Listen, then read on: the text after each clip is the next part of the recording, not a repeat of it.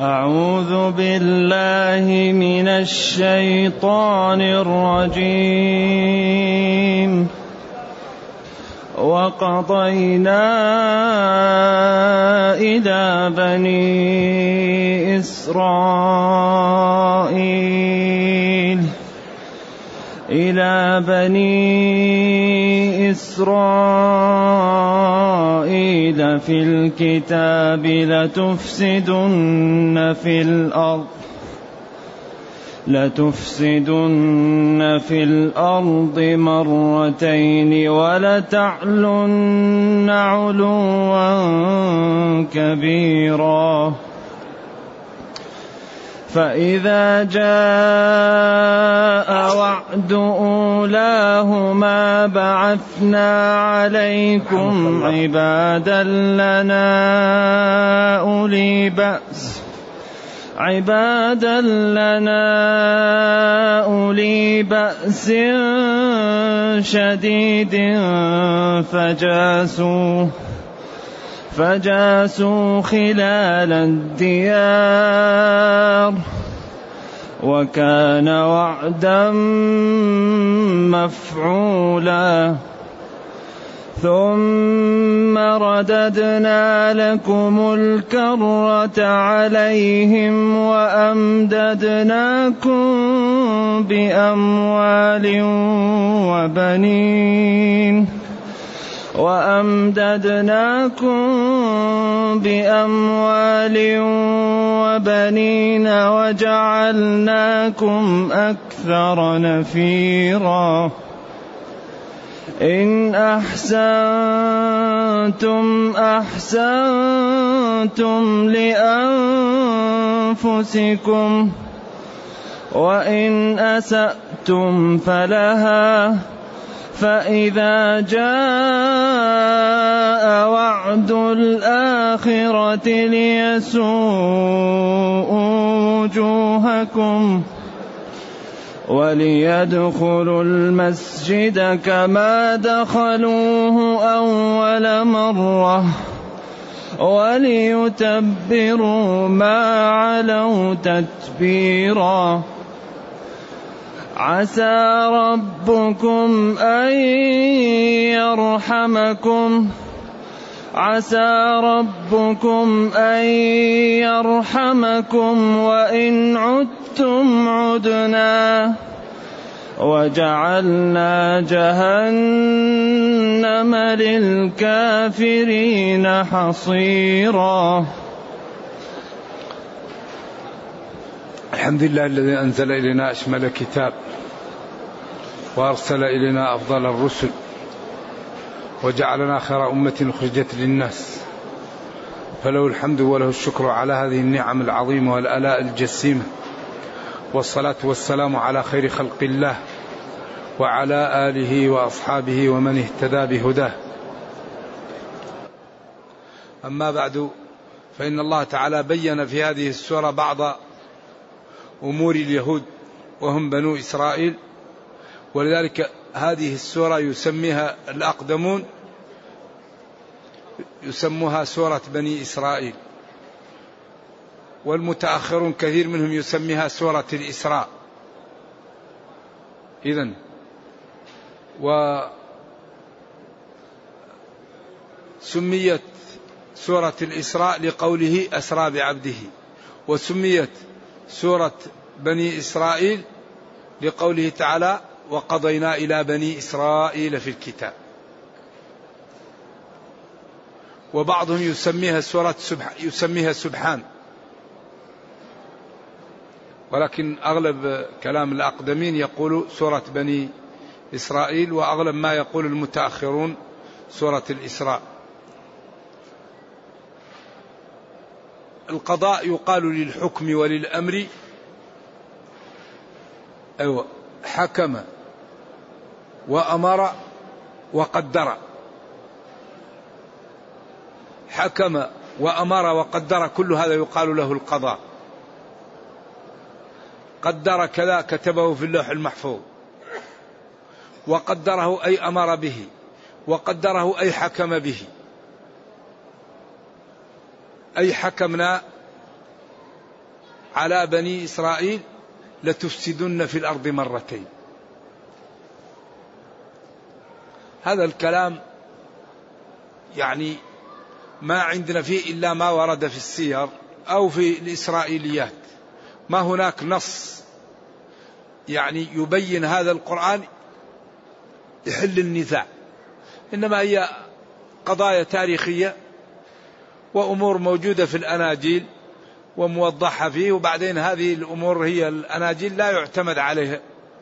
والسير تذكر ما صح وما قد أنكر. هذا وإن السير تذكر ما صح وما قد أنكر. ولا أعرف في المسألة حديث ثابت صحيح يفض النزاع. إذا هي أقوال. ولكن القرآن أخبر أن بني إسرائيل يفسدون في الأرض مرتين. الله تعالى كتب ذلك عليهم وأخبر به قبل أن يقع وقد وقع. أخبر به في, في سالف الزمن ولكن أخبر نبيه بذلك في زمنه ليعلم أن اليهود إن كذبوا به فهم قوم بهت. فتكذيبهم للنبي صلى الله عليه وسلم ليس أمرا جديد وإنما عادة اليهود التكذيب. وفي ضمن ذلك أنه رسول لأنه لا يمكن أن يخبر بهذه الأمور التي هي غير مشهورة إلا عن طريق الوحي. فهذا دلالة وبرهان على أنه رسول.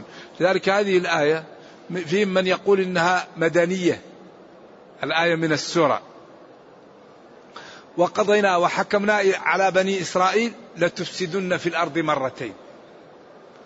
المرة الأولى هي التي جاءهم بخت نصر فيها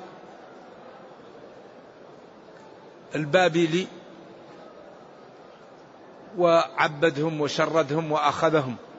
وهذا في القرن السادس قبل الميلاد. قبل ميلاد عيسى عليه وعلى نبينا الصلاة والسلام. أوقع بهم. ثم بعد ذلك الله تعالى كثرهم وقواهم حتى صاروا أكثر من البابليين وأقوى. ثم عادوا إلى أرضهم وتمكنوا فيها وقووا فعادوا إلى الإفساد. فأرسل عليهم الرومان بمساعدة الفرس. وأوقعوا بهم وقعه أشد. ثم بعد ذلك تفرقوا وتشتتوا. ثم في القرن الماضي تجمعوا وبدأوا يفسدون. وحتما سيسلط الله عليهم من يسومهم سؤال العذاب. لأن الله قال وإذ تأذن ربك ليبعثن عليهم إلى يوم القيامة من يسومهم سؤال العذاب. بخت نصر بعدين الرومان. بعدين سلط عليهم نبيه صلى الله عليه وسلم. ثم سلط عليهم هتلر. والآن هم يتجمعون ليوقع بهم. الآن يبنوا الجدار ليهلكوا وراءه. لأنهم هم الآن يفسدون ويقتلون الأبرياء والضعاف والنساء والشيوخ. عندهم أقوى قوة. يجعلون جيرانهم في سجن كبير ويرسلون عليهم أقوى قوة ويقتلونهم. والله جل وعلا يمهل للظالم لكن لا يهمله. وكذلك أخذ ربك إذا أخذ القرى وهي ظالمة إن أخذه أليم شديد. ووضع الميزان وقال أن لا تطغوا في الميزان. فعندهم القوة الهائلة. قوة البحر وقوة الجو وقوة الأرض. وجيرانهم عزل ويضربونهم بأعتى الصواريخ. هذا ما هو معقول يستمر أبدا عقلا ولا شرعا ولا عرفا. فحتما الجدار الذي يبنونه سيكون هلاكهم وراءه بإذن الله تعالى. والحقيقة أن وضع المسلمين وضع لا يصدقه إلا من راه. المسلمون بهذه الكثرة وبهذه بعدين لماذا يهملون مصالحهم؟ لماذا يهملون قيمهم؟ اليهود يهتمون بأمورهم. لما المسلمون لا يهتمون بأمورهم؟ اليهود يحمون كل يهودي في العالم. المسلمون لما لا يحمون إخوانهم؟ إذا المسلمون ينبغي يتنبهوا لأمورهم. لا بد من التنبه لأن واقع المسلمين واقع. ينبغي أن يعاد فيه النظر وأن يبدأ يصلح هذه الأمور التي فيها الخلل الواضح. بين المسلمين من عدم التعاون ومن, ومن التفرق ومن, ومن البعد في كثير من بلاد الله عن شرع الله. بل في بعض البلاد الإسلامية أصحابها يبرمجون في حياتهم عداء دينهم. طيب ناس يبرمجون في حياتهم عداء دينهم. كيف ربهم ينصرهم؟ والله يقول إن تنصروا الله ينصركم. إذا وحكم الله على بني إسرائيل لا يفسدن في الأرض مرتين ولتعلن علوا كبيرا يتجبرون و و و ويطغون ويقولون نحن أبناء الله وأحباؤه لا لن تمسنا النار إلا أياما معدودات ويسبون الله ويقتلون الأنبياء ويفعلون الأفاعيل. فإذا جاء وعد أولاهما وعد أولى الإفسادتين اللتين الله تعالى يعاقبهم عليها بعثنا عليكم. أي بعثنا على اليهود عبادا لنا. أولي بأس أولي قوة شديدة. وهم البابليون الذين منهم بخت نصر وقيل الآشوريون وقيل غير ذلك. أولي قوة وبأس شديد فجاسوا خلال الديار خاضوا خلال البيوت وأثخنوا فيكم ثم أخذوا الباقي. وكان وعدا مفعولا واقعا لا محالة لأن الله أخبر به وقدره وما أخبر الله به وقدره سيقع. نعم. ف... ف... إذا حكمنا علي... عليهم لا يفسدن في الأرض إفسادتين مرتين ولا يتكبرون ويتجبرون علوا فإذا جاءت المرة الأولى أرسلنا إليهم عبادا لنا أولي قوة وبأس شديد فأوقعوا بهم. وكان ذلك الوعد لا محال واقع. فجاسوا جاس خلال الدير إذا من الجوس وهو القيس ولكن القيس الشيء وتقديره ولكن المقصود به الإيقاع بهم. تقتيلهم ثم بعد ذلك أسر الباقي. وكان ذلك وعدا مفعولا منفذا لا محالة. ثم بعد ذلك ثم رددنا لكم الكرة عليهم. ثم ردد الله تعالى الكرة والدولة لبني إسرائيل. ثم ردنا الكرة عليهم وأمددناكم بأموال وبنين. كثرنا أموالهم. وأبناءهم وجعلناهم أكثر نفير أكثر أنفس. بعدين قال لهم نحن فعلنا بكم هذا لكن انتبهوا إن استقمتم فالاستقامة نفعها لكم. وأنتم الذين تجنون وتخرفون منافعها. وإن أسأتم فالإساءة عليكم على رؤوسكم وضررها يكون عليكم. إن أحسنتم أحسنتم لأنفسكم وإن أسأتم فلها أي فعليها. أو الإساءة راجع ضررها إليكم. إما بمعنى على أو بمعنى إلى. وهذا لهم ولكل خلق الله. أي إنسان يحسن فالإحسان نفعه يجده هو. ولذلك والإساءة أول من يجري ضررها صاحبها. ولذلك قال وأحسنوا إن الله يحب المحسنين. وقال وافعلوا الخير لعلكم تفلحون. ونهى عن سيء الخلق وسيء الملكة وجعل أكثر ما ما ما ما يرفع درجات الناس حسن الخلق. فدين الإسلام دين رائع جميل. إن أحسنتم أحسنتم لأنفسكم فإحسانكم نفعه وعاقبته وثمرته لكم وإن أسأتم فضرر ذلك وعقوبته وما يصلكم فعليكم. ثم قال جل وعلا فإذا جاء وعد الآخرة جاء وعد المرة الآخرة قال لتفسدن في الأرض مرتين. فإذا جاء وعد الآخرة ليسوءوا وجوهكم. يعني يفعلوا بكم فعلا. يكون وجه الإنسان تظهر فيه الإساءة لما فيه من الحزن والبؤس لأن الوجه هو الذي يقرأ منه ما, ما في القلب. أيوة الوجه كل شيء فيه. يسوء وجوهكم أي ليفعلوا بكم فعلا تكون إساءته واضحة في وجوهكم. وليدخلوا المسجد هؤلاء قال قيل الرومان والفرس وقيل غيرهم.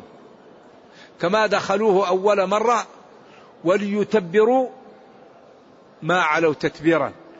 قيل ليسوءوا وقيل ليسوء وقيل لنسوء. ثلاث قراءات سبعية. ليسوءوا مثل ليتبروا. أو ليسوء الله. أو لنسوء نحن الله أيضا. وليتبروا ما علوا تتبيرا يهلكوا ويوقعوا بما علوا آه، فيه تتبيرا هلاكا وضياعا. عسى ربكم أن يرحمكم. بعد هذا وعسى من الله واجبه إن تبتم وتركتم ما فعلتم من المعاصي ومن الجور. وإن عدتم إلى الكفر والضلال والإفساد عدنا عليكم بالعقوبة والتنكيل بأي طريقة أردناها وشئناها. وهذا لا ينتهي. ولذلك نحن أهم شيء نهتم به بآدميتنا بمروءتنا بديننا بأن نكون ناس نتبع ديننا. لأن أهم شيء يجعل المسلم ينتصر أن يستقيم على دينه. الله جبار الله قادر الله عالم الله كريم. وعبد خلقه من ماء من نطفة. فكيف العبد يطغى على ربه ويترك أوامره ويتظاهر بالفسق وبعدم اتباع أمره؟ من أين له أن ينتصر وهو يناصب ربه العداء؟ ويدوس بأوامر الله وينتهك نواهيه من أين يكون الانتصار؟ الانتصار في مثل هذا يسمى في عرف الشرع استدراج. استدراج. الذي ينهمك في المعاصي ويعصي ربه ويجد المال والجاه ويجد المنزلة. هذا يسمى في عرف الشرع استدراج. الاستدراج هو الإنسان أن يعطى ليوبق يعطى ليهلك. إذا أحسن شيء نهتم به أن نطيع ربنا. أن نهتم بالطاعة كما نهتم بالمال والأولاد. كما أن كل واحد منا يهتم بماله وولده كل واحد منا يهتم بدينه. فيخاف من المعصية كما يخاف على ولده المرض. ويخاف من المعصية كما يخاف أن ماله يسرق أو يحرق أو, أو يضيع. إن كنا صادقين فلا بد أن, أن, أن نستقيم. إن كنا نريد العزة نستقيم. لأنه لا يوجد شيء في هذه الأرض أخطر على المسلمين من ناس من المعاصي. خطورة المعصية تكون في العمر. إنسان يعصي الله الله لا يبارك له في عمره. شؤم المعصية يكون في المال. شؤم المعصية يكون في الولد. إذا أعز شيء على الإنسان نفسه. وماله وولده. وهؤلاء أخطر شيء عليهم المعاصي. بركة الطاعة تكون في العمر. الإنسان يعيش مدة قليلة لكن يكون رصيده كأنه عاش ألف سنة. لأنه كان مباركا له في عمره فكان يعمل الحسنات ولا يعمل السيئات فيجي رصيده كأنه عاش ألف سنة ببركة الطاعة. الولد يبارك له فيه. ويكون صالحا فيدعو له ويذكر له الذكر الحسن في الدنيا ويترك له الخير يوم القيامة يدعو له حتى يرفع درجته. فلذلك لا يوجد شيء أبرك من الطاعة. إن أردنا العزة نطيع الله. إن أردنا النجاة نطيع الله. إن أردنا أن ينصرنا ربنا على أعدائنا نطيع الله. ما يوجد شيء أبرك من الطاعة. وكل مشكلة وراها معصية. إذا عسى من الله واجبة. عسى ربكم أيها المخاطبون الذين فعلتم وفعلتم أن يرحمكم إن تبتم واستقمتم وإن عدتم إلى المعاصي وإلى الكفر. عدنا عليكم بالتنكيل والعقوبة. إذا هذا أمر واضح. الذي يريد شيء يخطط له ويفعله. الذي يريد الجنة طريقها. الذي يريد رضا الله طريقها. الذي يريد العز طريقه. والذي يريد جهنم طريقها. وكل شيء موضح. فواحد الحقيقة ينبغي أن يريد ما الذي يريد ويخطط له ويصله إن شاء الله. وربنا كريم ويقول ادعوني أستجب لكم. ولا يضيع أجر من أحسن عملا. ولا ينصرن الله من ينصره؟ ثم قال وجعلنا جهنم للكافرين حصيرا. حصيرا للعلماء فيها قولان. يعني سجنا لأنه من الحصر وهو الحبس. أو حصير الذي يعمل من جريد النخل كأنه جعلت جهنم لهم كالحصير يجلسون عليها. عياذا بالله. نرجو الله جل وعلا أن يرينا الحق حقا ويرزقنا اتباعه. وأن يرينا الباطل باطلا ويرزقنا اجتنابه وأن لا يجعل الأمر ملتبسا علينا فنضل. اللهم إنا نسألك الجنة ونعوذ بك من النار. اللهم إنا نسألك الجنة ونعوذ بك من النار. اللهم اختم بالسعادة آجالنا وقرم بالعافية غدونا وآصالنا. واجعل إلى جنتك مصيرنا ومآلنا يا أرحم الراحمين. سبحان ربك رب العزة عما يصفون وسلام على المرسلين. والحمد لله رب العالمين والسلام عليكم ورحمة الله وبركاته.